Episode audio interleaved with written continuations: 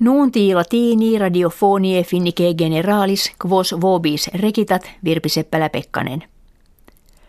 Consilium securitatis nationum unitarum petit ut omnes terre quantum fieri possit pugne contra ordinem isis sive Daesh in Syria et Irakvia intersint et duplico nisu contendant ut ictus terroristarum post hac impediantur. Quam sententiam a Frankia adumbratam consilium securitatis una nimiter probavit. Parlamentum Russie rationes severiores ad terroristas arkendos flagitavit.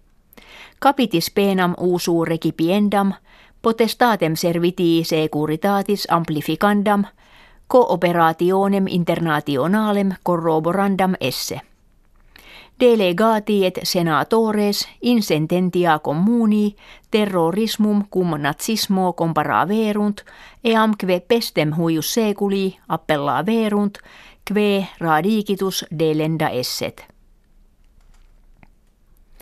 Camera delegatorum decrevit ut condiciones quibus fugitivi ex Syria et Irakvia venientes in USA admitterentur – notabiliter severiores redderentur. Presidens Obama minitatus est se illam legem jurevetandi usus antiquaturum esse. Lex a camera delegatorum data etiam in senatu tractari debet ubi fieri poterit ut repudietur.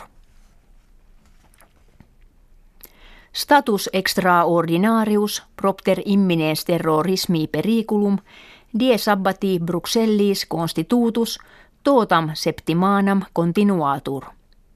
Skole autem die mercurii de nuo aperte sunt et commeatus metropolitanus post intermissionem incohatus est.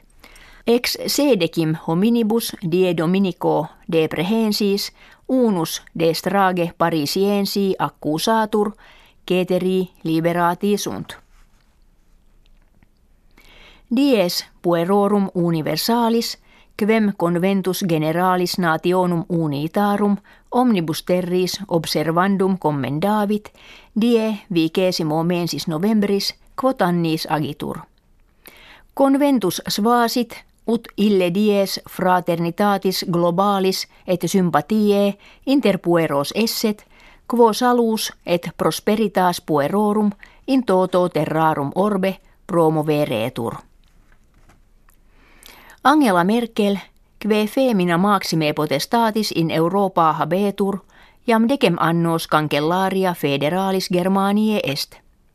Auctoritas eius his decem annis usque crevit – de armistitio Ukraine orientalis consultavit.